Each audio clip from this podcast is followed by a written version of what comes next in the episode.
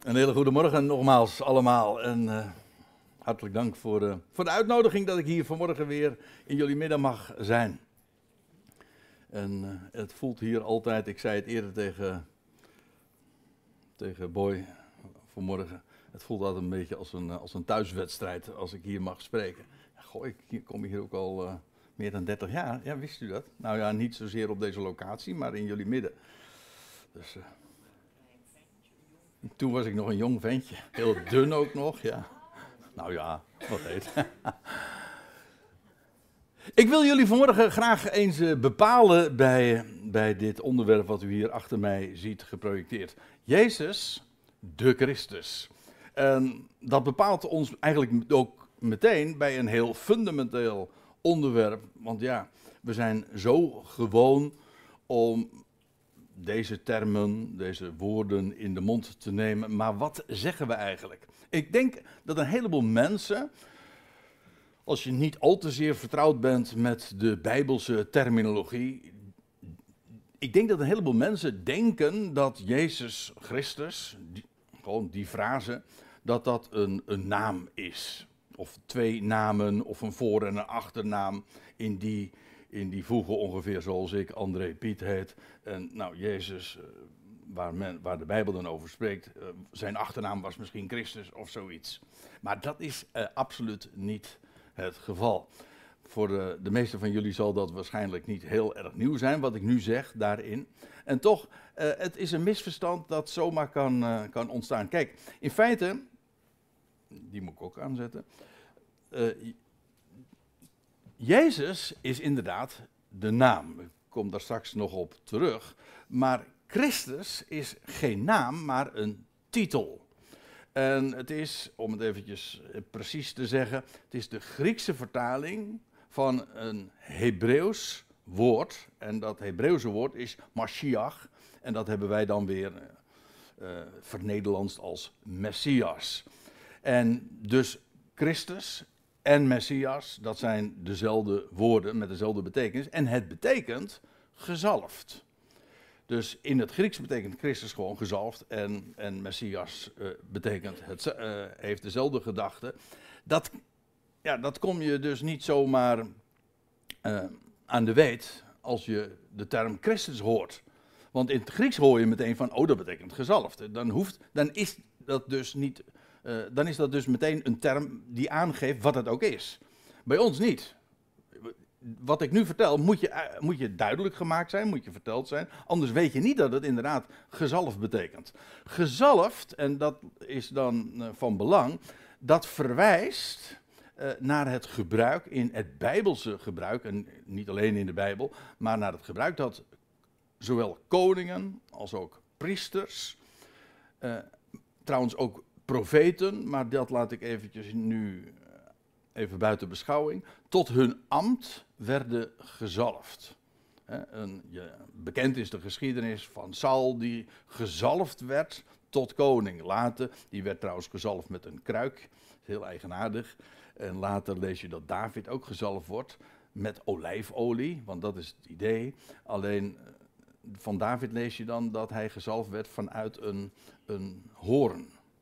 En daar zit, uh, daar zit eigenlijk al meteen de gedachte in dat het koningschap van Saul eigenlijk heel breekbaar en broos was. En van voorbijgaande aard. En David, dat is het definitieve koningschap, of in ieder geval de definitieve dynastie.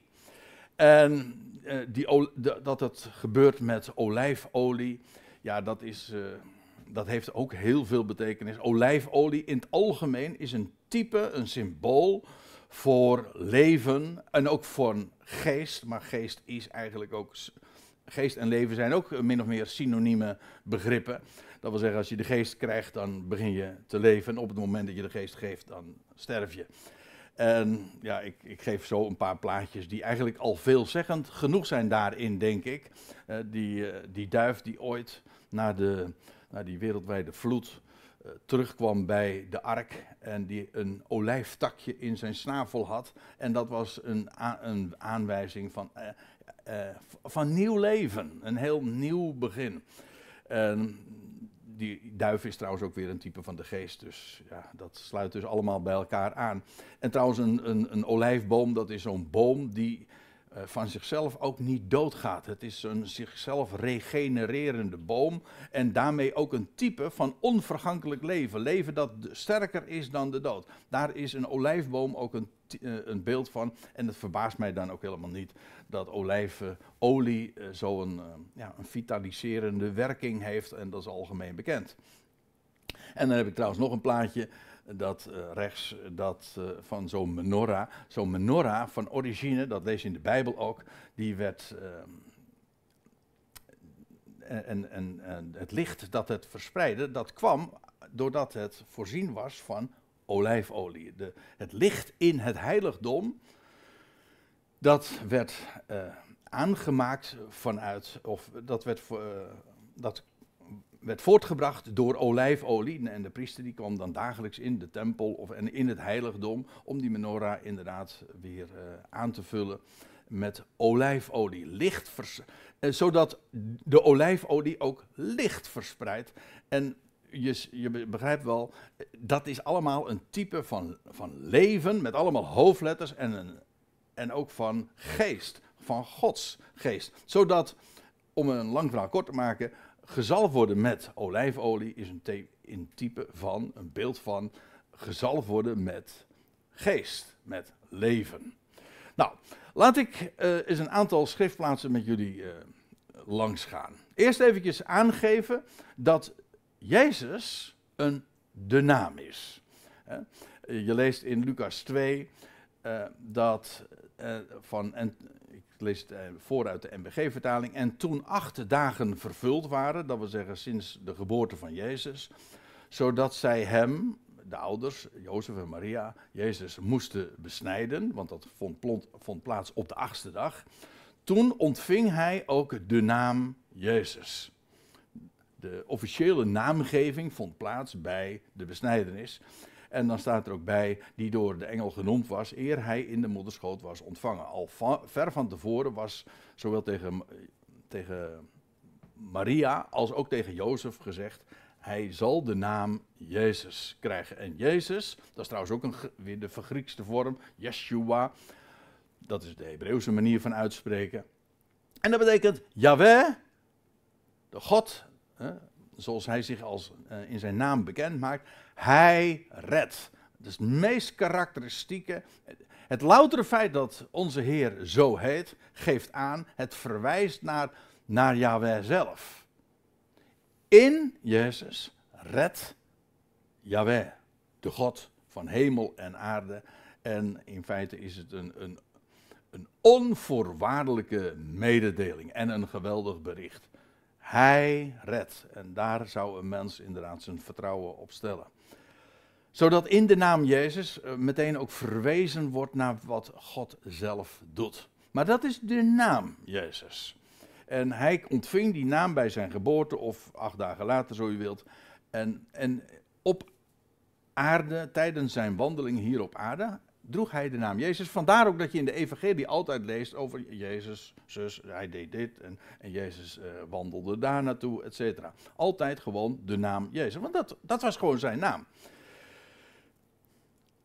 Maar, oké, we hebben het vanmorgen dan met name over het feit dat Jezus, deze Jezus, de naam, of de, nou zeg ik het zelf verkeerd, de titel Christus draagt.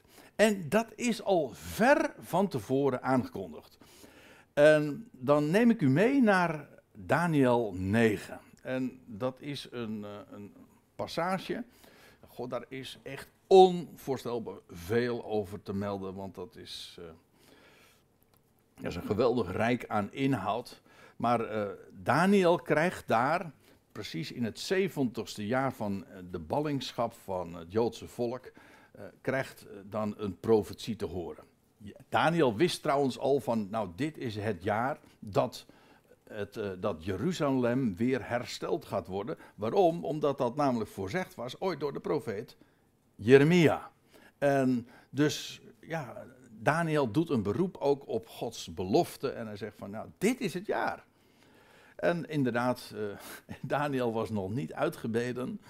En dan lees je al dat, uh, hij de, dat hij een boodschapper op bezoek krijgt. En die zegt van nou, uw gebed is vervuld.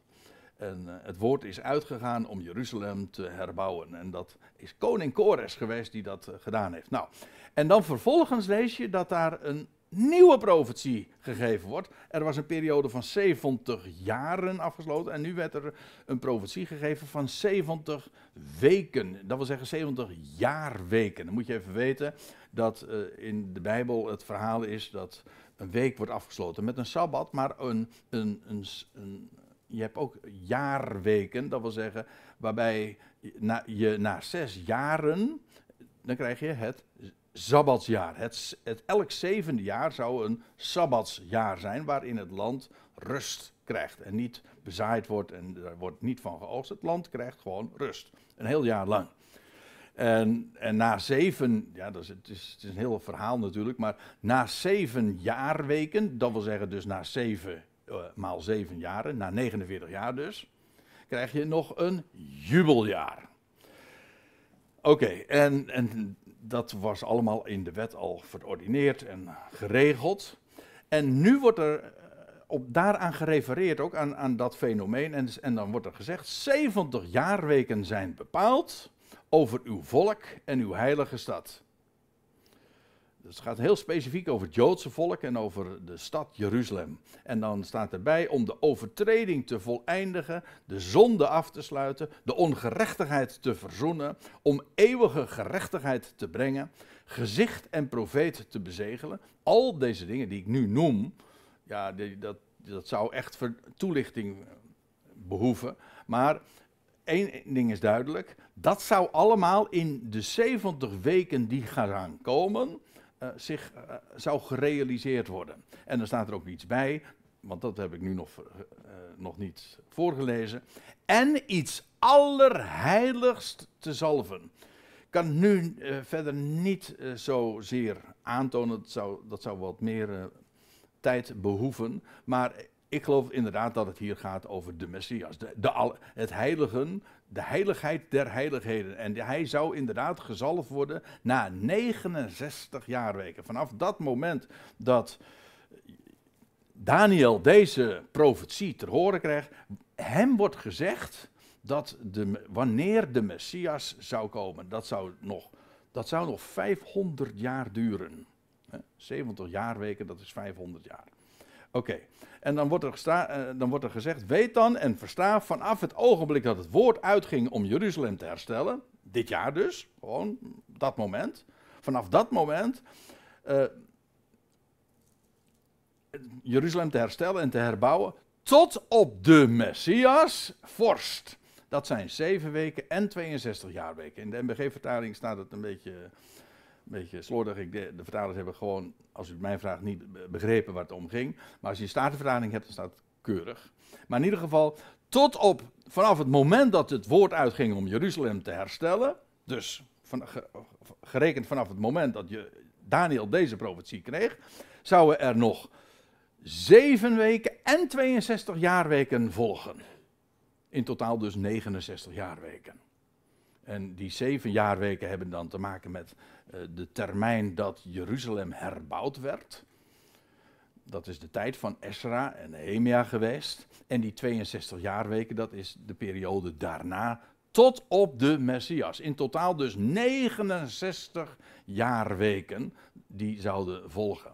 En dan staat er in vers 26, ik sla wat over, maar om bij mijn punt te komen. En na de 62 weken, dus in, to in totaal de, de, 69 weken. En na de 62 weken zal de Messias worden uitgeroeid, terwijl er niets tegen hem is. Of als je andere vertalingen die zeggen, en dat is wat letterlijker, eh, terwijl hij niet zal hebben. En het hele idee is, als mij vraagt, uh, deze, dat hij als vorst niet zal hebben. Wat, en wat heeft een vorst? Die heeft een, een, koninkrijk. Nou, hij wordt uitgeroeid en hij heeft dat dus niet. Uh, overigens, het klopt wel, hij wordt uitgeroeid en er was niks tegen hem, geen enkele, uh, geen enkele terechte beschuldiging. Dus op zich, de vertaling mag dan misschien niet helemaal deugen. wat erin uitgedrukt wordt, klopt wel natuurlijk. Eh, waar het om gaat is, wat hier aangekondigd wordt, is in de dagen van Daniel over 70 jaarweken, 500 jaren, uh, zou de Messias worden uitgeroeid. Eh, terwijl er dus niks tegen hem is. Eh, wat hier zo apart is, dat er hier al voorzegd wordt dat de Messias zou komen. De gezalfde, niet zomaar een gezalfde, nee, de gezalfde. Die aangekondigd was, de grote koning, maar ook trouwens de priester. Ik kom daar ook nog even op terug later. Maar hij zal komen en wat hier gezegd wordt, uh, waar hij zou verschijnen, dat was sowieso bekend. Waar hij geboren zou worden, dat hij, heeft weer een andere profeet al gezegd, dat dat in Bethlehem Ephrata zou zijn. Maar wat hier zo enorm bijzonder is, dat hier al voorzegd wordt en daarmee bewijst de Bijbel ook zichzelf. En dat vind ik ook geweldig. Uh, profetie is het, is het goddelijk keurmerk op de schrift.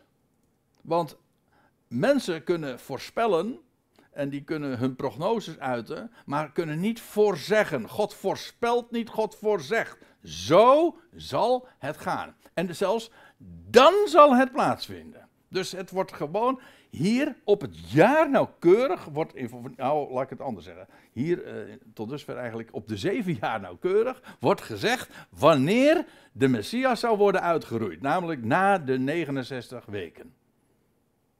En zo is het inderdaad gegaan. Men wist dus, en dat is het uh, aparte ook, en eigenlijk ook het, wel het logische, dat de getrouwen onder het volk, die wisten aan het begin van onze jaartelling, dit moet de tijd zijn dat de Messias gaat komen. En inderdaad, ze waren er. Hè, een, man, een man als Simeon of een Hanna in de tempel. Zij verwachten Israëls verlossing. Ze wisten gewoon van de termijn die vervuld werd. Dus ze wisten, niet, ze wisten niet alleen dat hij zou komen, maar zelfs ook wanneer hij zou komen. En dat was al door Daniel voorzegd. Ik geloof trouwens ook dat die Messias uh, zou worden uitgeroeid. En dat zou gebeuren drieënhalf jaar later, een halve jaarweek. Waar dat is, dan moet u eventjes nog doorlezen in vers 27. Dat is een heel, uh, uh, ja, een nogal veelzijdig onderwerp, moet ik erbij zeggen. Ook controversieel, dat weet ik. Maar drieënhalf jaar later, de Heer Jezus werd uh, gedoopt in de Jordaan. En toen heeft hij drieënhalf jaar, uh, is hij werkzaam geweest. En toen werd hij daadwerkelijk uitgeroeid. Ja, dat is dus allemaal gebeurd in die, na, de 62 weken, na die, of nee, zo u wilt, na de 69 jaar weken. Oké, dat bepaalt ons dus bij nog een andere vraag. Niet alleen maar dat de Messias is aangekondigd en wanneer, dat zou, wanneer hij zou komen en wanneer hij uitgeroeid zou worden. Dat zou na de 7 en 62 weken zijn, jawel. Maar wanneer is hij nou eigenlijk gezalfd? Ik heb eigenlijk het al uh, verklapt. Maar laten we het eens eventjes wat preciezer zeggen en ook vanuit de schrift laten zien. Ik geloof namelijk dat de, uh, de Bijbel ook duidelijk maakt dat hij gezalfd werd. Dat is het eerste antwoord. Niet het definitieve, maar wel het eerste antwoord. Hij werd gezalfd met de geest bij zijn doop in de Jordaan. Bij zijn officiële, uh, bij de aanvang van zijn officiële dienst. Uh, dan lees je in Handelingen 10, dan, Handelingen 10, dat verwijst naar uh, een geschiedenis dat Petrus in het huis van Cornelius is. En dan, ja, dan gaat, op een gegeven ogenblik krijgt Petrus het woord. En dan gaat hij vertellen en dan zegt hij ook van wat algemeen bekend was. Uh, gij weet van de dingen die geschied zijn door het hele Joodse land. Te beginnen in Galilea, na de doop die Johannes verkondigde. Dat is heel bijzonder wat Johannes deed. Vandaar ook dat hij de doper heette. En dat was heel eigenaardig, want ja, wat, hij, wat Johannes deed, is hij doopte anderen. Dat kende Israël en het Joodse volk helemaal niet. Ze kenden het fenomeen van de doop wel, maar men doopte zichzelf. En nou kwam daar een, man en die zegt van, uh, word gedoopt. En hij doopte dus het volk. En vandaar dat hij heette de doper. En dat was namelijk heel uniek. Dat, dat fenomeen kende men niet. Nou, in ieder geval, hij, verkondigde de doop.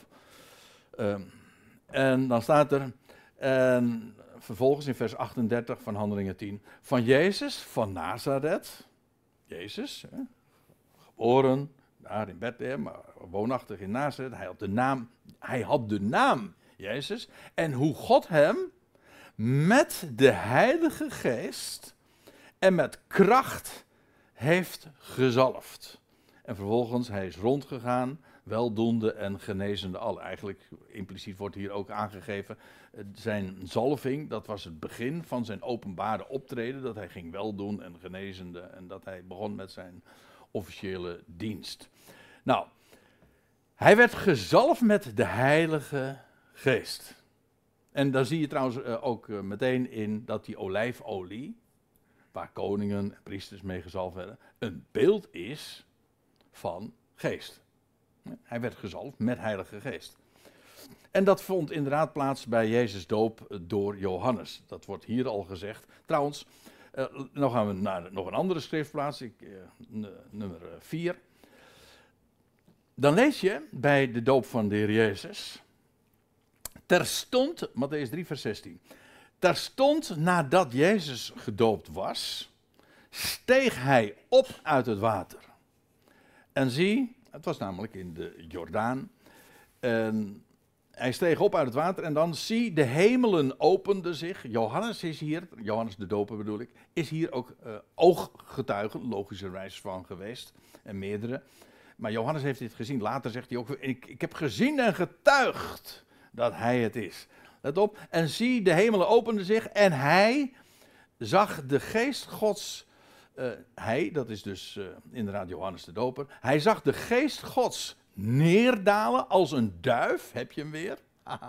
Zowel uh, de zal, het idee van de zalving, maar ook van de duif. Die komt hier weer terug. En hij zag de geest Gods nederdalen als een duif en op hem komen. En dan, daar bleef het niet bij. En dan staat er, en zie, een stem uit, uit de hemelen zeide, deze is mijn zoon, de geliefde. In het Hebreeuws, eh, als je het terugvertaalt naar het Hebreeuws, dan zou er zoiets staan als uh, David. Want David betekent uh, namelijk ook geliefd. Zie, deze is mijn zoon, de geliefde, in wie ik mijn welbehagen heb. waarmee God dus aangeeft van hij is het. vanuit de hemel is zijn dienst, wordt hier bevestigd. Hij is het. Deze is mijn zoon, deze is de geliefde, in hem heb ik mijn welbaar. Hier werd hij dus gezalfd. Ik geloof trouwens, en dat, is, uh, dat brengt ons meteen ook bij het, de volgende schriftplaats, dat deze gebeurtenis, namelijk zijn doop in de Jordaan, een type is van de opstanding 3,5 jaar later. Dat, in feite wordt dat hier ook al aangegeven, want er staat, nadat Jezus was gedoopt, en terstond steeg hij op, hij stond op, uit het water, dat is uit de doodswateren. Trouwens, eh, de Jordaan hadden al, al van oudsher uh, die reputatie. Het volk van Israël was door de Jordaan, door dood, door de dood heen in het beloofde land gekomen. Vandaar ook dat wij nog steeds spreken over de doodsjordaan. De Jordaan is een type van de dood. En als je daar doorheen trekt of overheen trekt, ook daarvan zijn geschiedenissen. Of daar kopje in onderen gaat, eh, zoals Naaman ooit. Maar in ieder geval, als je daaruit opstaat, dat is een, een embleem, een type van nieuw leven. Nou, ik, wat het idee is, toen de Heer Jezus opstond uit de doodswateren van de Jordaan.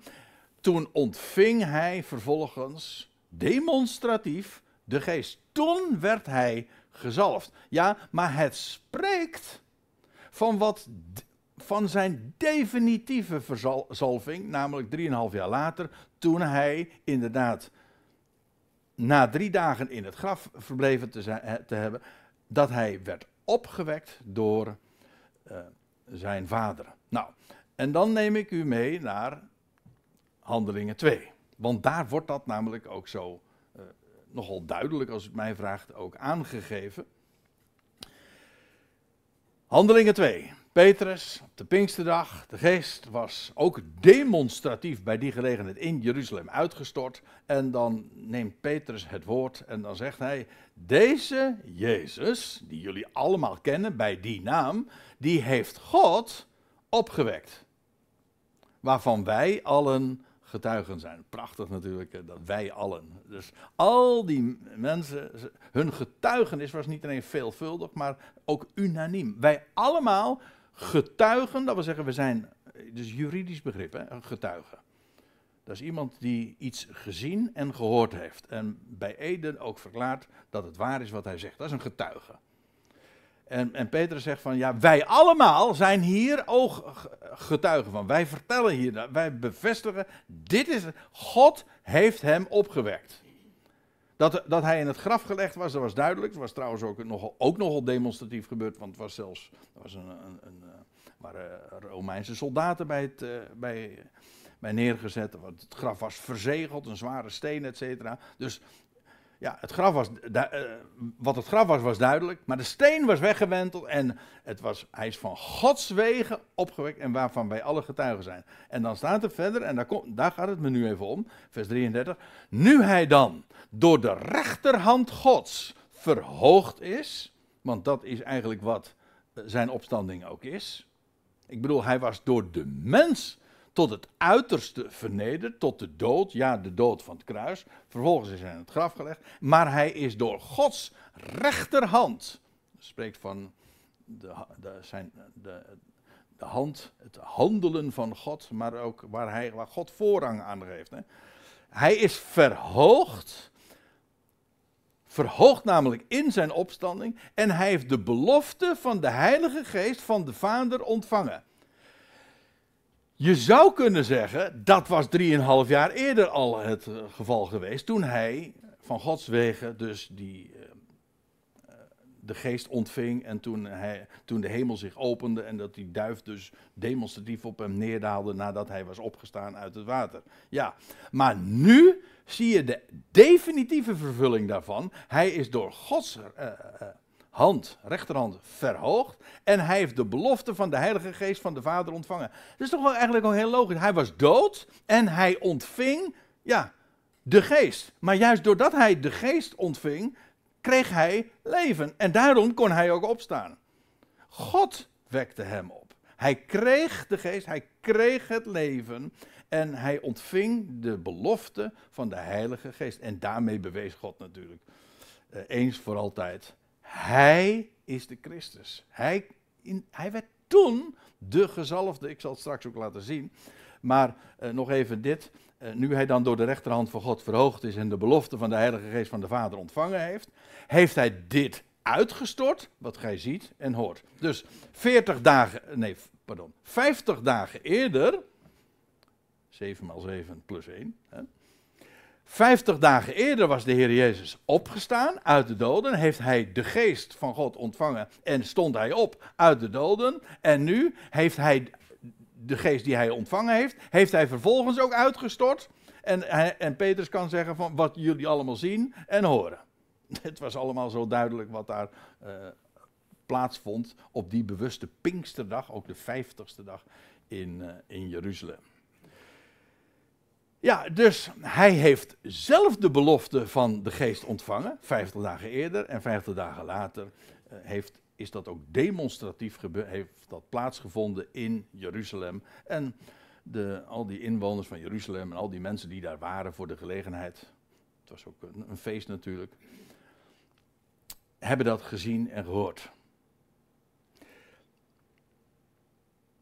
Oké, nou we blijven even in datzelfde Handelingen 2. En dan slaan we een paar versen over. En dan komt Petrus bij zijn conclusie. En dan zegt hij dit. In, vers 36 is echt wel een sleutelvers in dit hele hoofdstuk. Dus, dat is de inleiding voor de conclusie. Dus moet ook het ganse huis van Israël zeker weten dat God hem en tot Heer en tot Christus gemaakt heeft.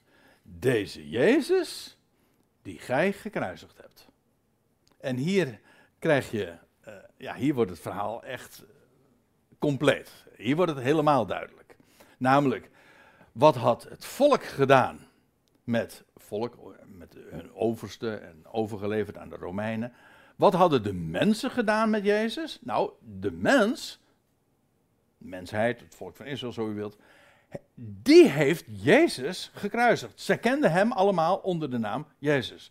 Zij hadden hem gekruisigd. Maar God heeft hem vervolgens tot Heer en tot Christus gemaakt. Hoe dan? Wel, door die opstanding waar, waar, Paul, waar Petrus zojuist over sprak. Hij is door de rechterhand Gods verhoogd. En inderdaad gezalfd. Hij heeft de geest ontvangen. Hij is door God tot Christus gemaakt. Wat al uitgebeeld was eerder bij zijn doop in de Jordaan. Dat was al zijn zalving. Is definitief. En voluit. En officieel feitelijk ook. Hij is dat bewaarheid geworden toen hij verrees uit het graf en toen hij de geest van God ontving. Toen werd hij gemaakt tot Christus, tot gezalfde. En sindsdien is hij dus inderdaad niet alleen Jezus, maar officieel ook de Christus.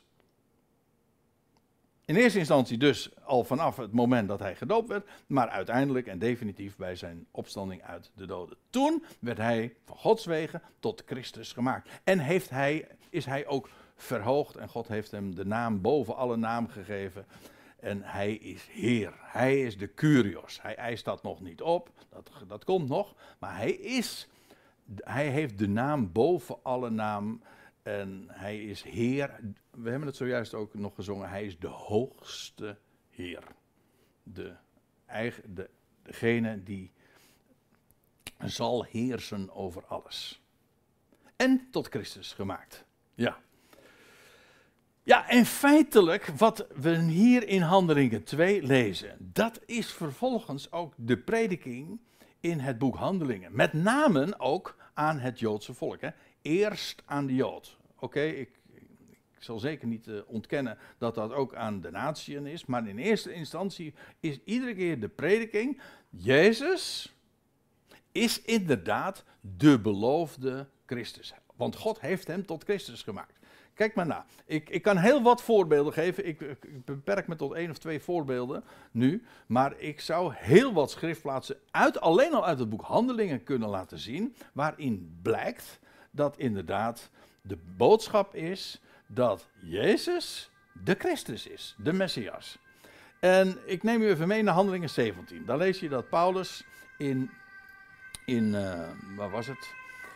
Uh. Nee, in Korinthe is dit. Uh, wacht even uh, nee, Thessalonica. In handeling 18 komt hij in Korinthe. En dan lees je in, in, vers 2 van handelingen 17. En Paulus ging, zoals hij gewoon was, daar binnen, daar uh, in, in de synagoge. En hij behandelde drie sabbatten achtereen met hen gedeelten uit de schriften. Door aanhalingen uitleggende dat de Christus moest lijden en opstaan uit de doden en dat deze de Christus is, die Jezus, die ik, zei, hij, zei Paulus dus, jullie predik. Kijk, hier zie je dus uh, dat de, de frase Jezus Christus heel duidelijk ook aangeeft, Jezus hij is de beloofde Christus. Waarom? Omdat hij volledig voldoet aan het profiel dat al van oudsher en in de schriften van hem gegeven was. want wat doet, wat doet Paulus daar? Drie sabbatten achter één. Hij gaat gewoon, hij, geeft, hij overlegt de bonnetjes. Hij, doet de schriften open, de schriftplaatsen en hij allerlei aanhalingen, allerlei citaten uh, brengt hij naar voren. En hij laat zien dat de Christus moest lijden. Ja, en hoeveel schriftplaatsen die hij heeft aangevoerd, nou, dat kan. Uh, gaan wij nu dus eventjes niet uh, nog eens een keertje nadoen. Maar ook dat de Christus moest opstaan uit de doden om Christus te kunnen zijn. Waaruit trouwens ook blijkt dat hij juist dus op grond van zijn opstanding ook daadwerkelijk de, bewezen heeft de Christus te zijn. Dus wanneer is hij, de, sinds wanneer is hij de Christus? Wel, in eerste instantie, nogmaals, bij zijn doop in de Jordaan. Maar uiteindelijk en definitief vanaf zijn opstanding uit de doden. En dat is heel karakteristiek. En de boodschap is: jullie verwachten toch de Messias? Wel, hij is gekomen en het is Jezus die volledig beantwoordt aan dat wat de Christus, de Messias, die jullie verwachten, zou doen en zou zijn. Uh, nou kom ik, sla ik nog een hoofdstuk over. Uh, komen we in Handelingen 18. Dat, dan zijn we trouwens in Korinthe. Uh, nee, dan zijn we weer in Efeze. Nou. Kijk het maar even na. Het is inderdaad in Efeze. Want nu lezen we over een Apollos. En die man die kwam uit Alexandrië, die was overgekomen en die kwam in Efeze. En, en dan lees je, onvermoeid bestreed hij de Joden aan publiek, want het werd zeer tegengesproken. Maar van deze Apollos lees je nog dat hij, uh, ja, het was een zeer uh, geleerd man, welsprekend man, maar hij, kon ze, hij lustte ze, om zo te zeggen, rauw. Hij bewees, hij, hij kon ook alle tegenstand de mond snoeren. Hij kon gewoon onder bewijs stellen dat het waar was wat hij zei. Het, het was maar niet zomaar een mooi verhaal, zo heel stichtelijk. Nee, hij bewees vanuit de schriften. En, dan, uh, dan staat er ook, dat, uh, hij bestreed de Joden in het openbaar. Hij bewees uit de schriften dat Jezus, die hier op aarde rondwandelde, de Christus is. Hier zie je ook heel duidelijk, het een is een naam, het andere is een de titel. En niet zomaar een christen, een gezalde, want in feite, ik zei al, alle priesters, alle, alle koningen waren feitelijk Mashiach. Ze waren allemaal gezalfd. Maar we hebben het nu over de Christus. De ene koning, priester. Ja, en als ik dat gezegd heb, komen we bij nog een schriftplaats die ik ook niet uh, onvermeld wil laten. En dat is uh, in Hebreeën 7. Trouwens, Hebreeën, dat is in zijn totaliteit een brief die juist ook ja, gericht aan Hebreeën, aan mensen die Hebreeuws spraken, dus uh, de taal van de schrift. En ja, wat in die brief aan de orde wordt gesteld, dat is uh, ja, wie de Christus is. Maar het, het wemelt van citaten uit, allemaal uit de Tenach, ons Oude Testament, de Hebreeuwse Bijbel. En, en dan geeft Paulus, waarvan ik denk dat hij de schrijver was, maar goed, zijn naam wordt niet vermeld. Uh, die geeft dan aan ook allerlei typen. En dan gaat hij bijvoorbeeld heel uitgebreid in op de figuur van Melchizedek. Ik kan me herinneren, ja, als je hier al meer dan 30 jaar spreekt, dan heb je al heel wat onderwerpen zo uh, bij de kop gehad. Maar ik herinner mij dat ik meerdere keren wel ook over, over deze figuur in jullie midden heb mogen spreken. Melchizedek ik weet nog een keertje heb ik een, had ik een, vond ik zelf eigenlijk wel een leuke titel van waar, uh, waar Abraham de most vandaan haalt. Nee, hoe was het ook weer? Ja, dat is de uitdrukking. Ja, en dat is van Melchizedek, de, de most. Niet de mosterd, maar de most, de, de, de wijn. Kreeg hij van Melchizedek. Kent u Melchizedek? Nee? Nou, even kort. Uh, Melchizedek, dat, daar, daarvan lees je in, in in het boek Genesis dat Abraham had een ontmoeting met hem. En, eh, en er wordt verder niks van vermeld. Hij was, een, hij was koning te Salem, lees je. En hij was ook priester. Dat was op zich een hele bijzondere combinatie. Want dat bestaat helemaal niet. In Israël kende men. Een koning kwam uit de stam van Juda. Een priester kwam uit de stam van Levi, zodat je nooit en koning en priester tegelijk kon zijn. Maar wat in de schrift al wordt voorzegd, in de, in de, psalmen lees je, er zou eenmaal iemand komen die door Gods wet zou worden verhoogd, de Messias. En hij zou koning, priester zijn naar de ordening van Melchizedek. Psalm 110 staat dat. Ook een profetie trouwens van David. En Melchizedek betekent zelf uh, koning van de gerechtigheid. En die Melchizedek staat dus eigenlijk model voor degene die ooit zou komen, de Messias. En nou, ja, dat is een prachtig onderwerp, maar ik moet mezelf eventjes nu uh, tot de orde roepen. Vers 15. En dan, het is midden in het betoog en dan gaat, gaat Paulus dan verder en hij zegt, en nog veel duidelijker wordt het, als naar het evenbeeld van Melchizedek een andere priester opstaat. Want Melchizedek is slechts, tussen aanhalingstekens, een type van degene die zou komen. Een andere priester. Een andere priester opstaat, die vind ik trouwens ook wel heel erg mooi. Want uh, met recht, dan weet je ook meteen sinds wanneer hij priester is. Namelijk sinds zijn opstanding. Het is geen bewijs, maar ik vind het wel mooi. Uh, die dit, en dan staat er vers 16, vers 16, die dit niet is geworden dat wil zeggen, hij is geen priester geworden krachtens een wet met een voorschrift betreffende vleeselijke afkomst. Oké, het is een beetje een, het, het, klinkt wat ingewikkeld, maar het, uh, daar is makkelijk doorheen te prikken. Hè. Hij is degene die nu opgestaan is en die een evenbeeld is van Melchizedek, die andere, de definitieve priester, hij is het niet geworden krachtens een wet met een voorschrift betreffende vleeselijke afkomst. Melchizedek, trouwens, van hem lezen we ook helemaal niet zijn afkomst. We weten niet wie zijn vader was, wie zijn moeder was, wat zijn, wat zijn, zijn, zijn kom af was. Helemaal niets. Wanneer hij geboren was. Normaal gesproken wordt dat, is dat altijd heel erg belangrijk. Ja, waar, waar, uh, dan moet een koning, priester, moet zijn geslachtsregister ook, uh, of een priester moet zijn, zijn geslachtsregister ook kunnen overleggen en kunnen laten zien van, ja, ik heb, dit is mijn afkomst. Maar van deze Melchizedek lees je dat allemaal niet. Wel, naar het evenbeeld van Melchizedek zou er een priester opstaan, die het, en die is priester geworden, gezalfd tot priester, niet vanwege zijn vleeselijke afkomst, want later wordt dat trouwens in deze brief ook uitgelegd.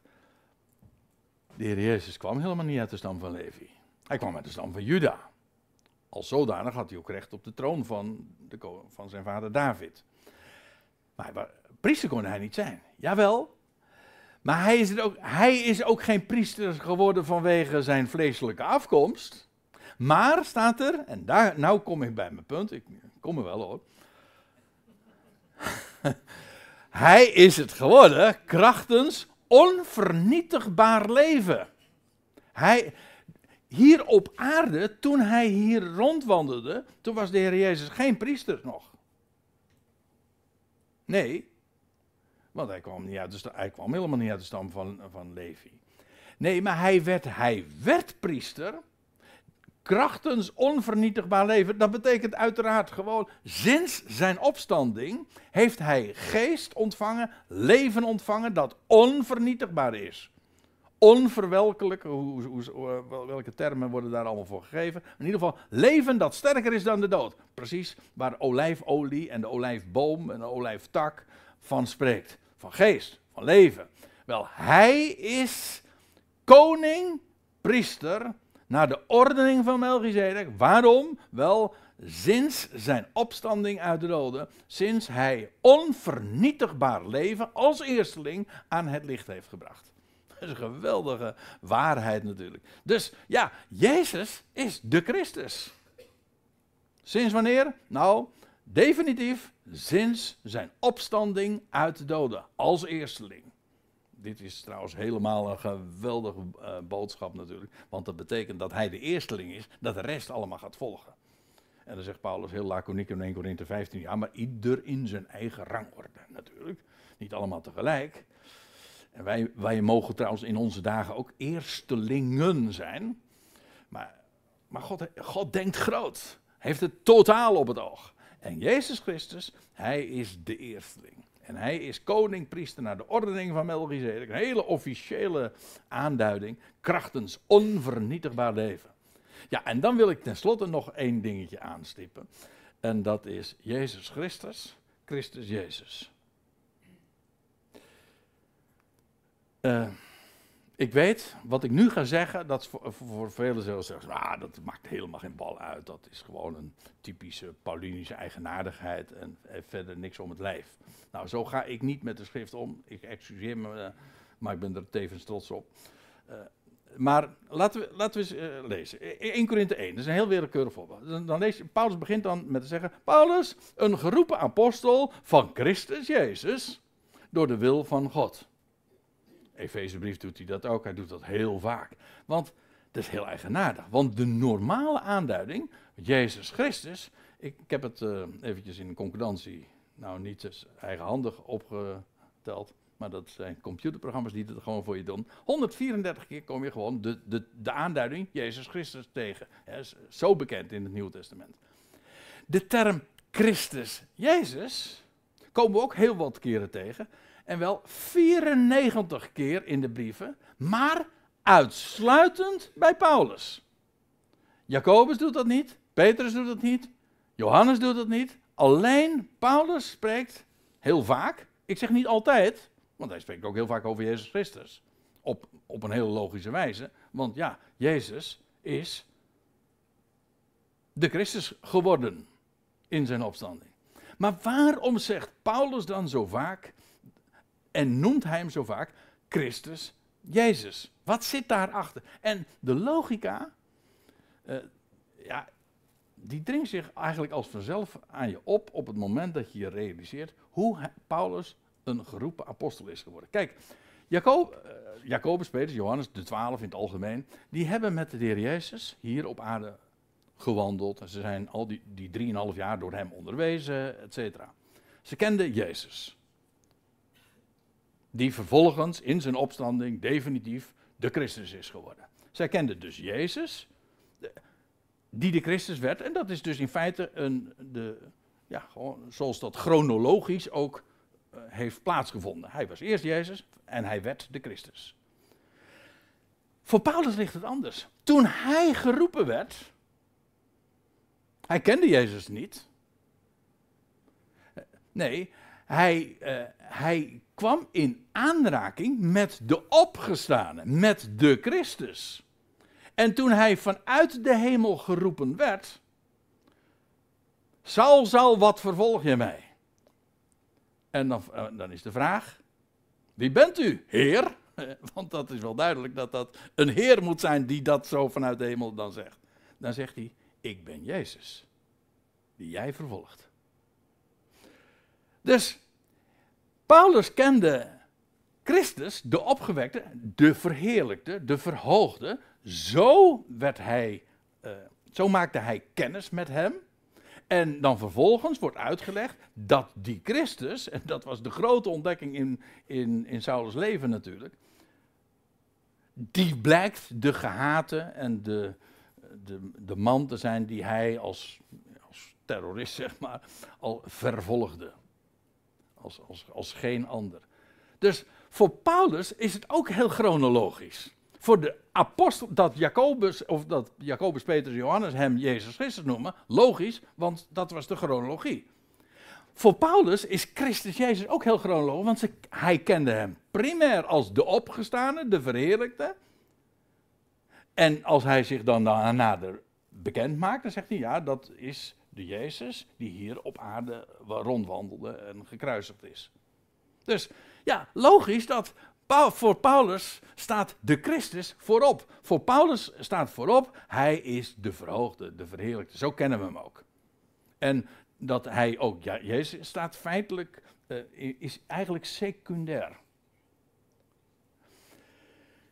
Dat uh, wil dus, ja, dat ontsluit zich uh, meteen ook een geweldige waarheden, want het, het, het, laat ook zien dat hij als, als geen ander ons inleidt in de geweldige schatkamer van God en dat hij spreekt van hem die verhoogd en verheerlijkt is. Geen uh, schrijver in het Nieuwe Testament die zo geweldig uh, laat zien wie de verhoogde is, de Christus. En, en de hemelse Christus. Die vanuit de hemel hem ooit riep op de weg naar Damascus. En Paulus mag dan inderdaad uitpakken wat, wie die Christus is, daar nu in de hemelen. Ja, dat is degene die hier op aarde ooit als Jezus rondwandelt. Maar hij is nu de Christus. Dat staat voorop. Dat is primair. En dus, het is bepaald niet zonder betekenis. Ik hoop dat ik u hiermee ook heb overtuigd. Dat het Paulus is die constant die als enige inderdaad in zijn brieven spreekt over Christus Jezus. Heel vaak zelfs.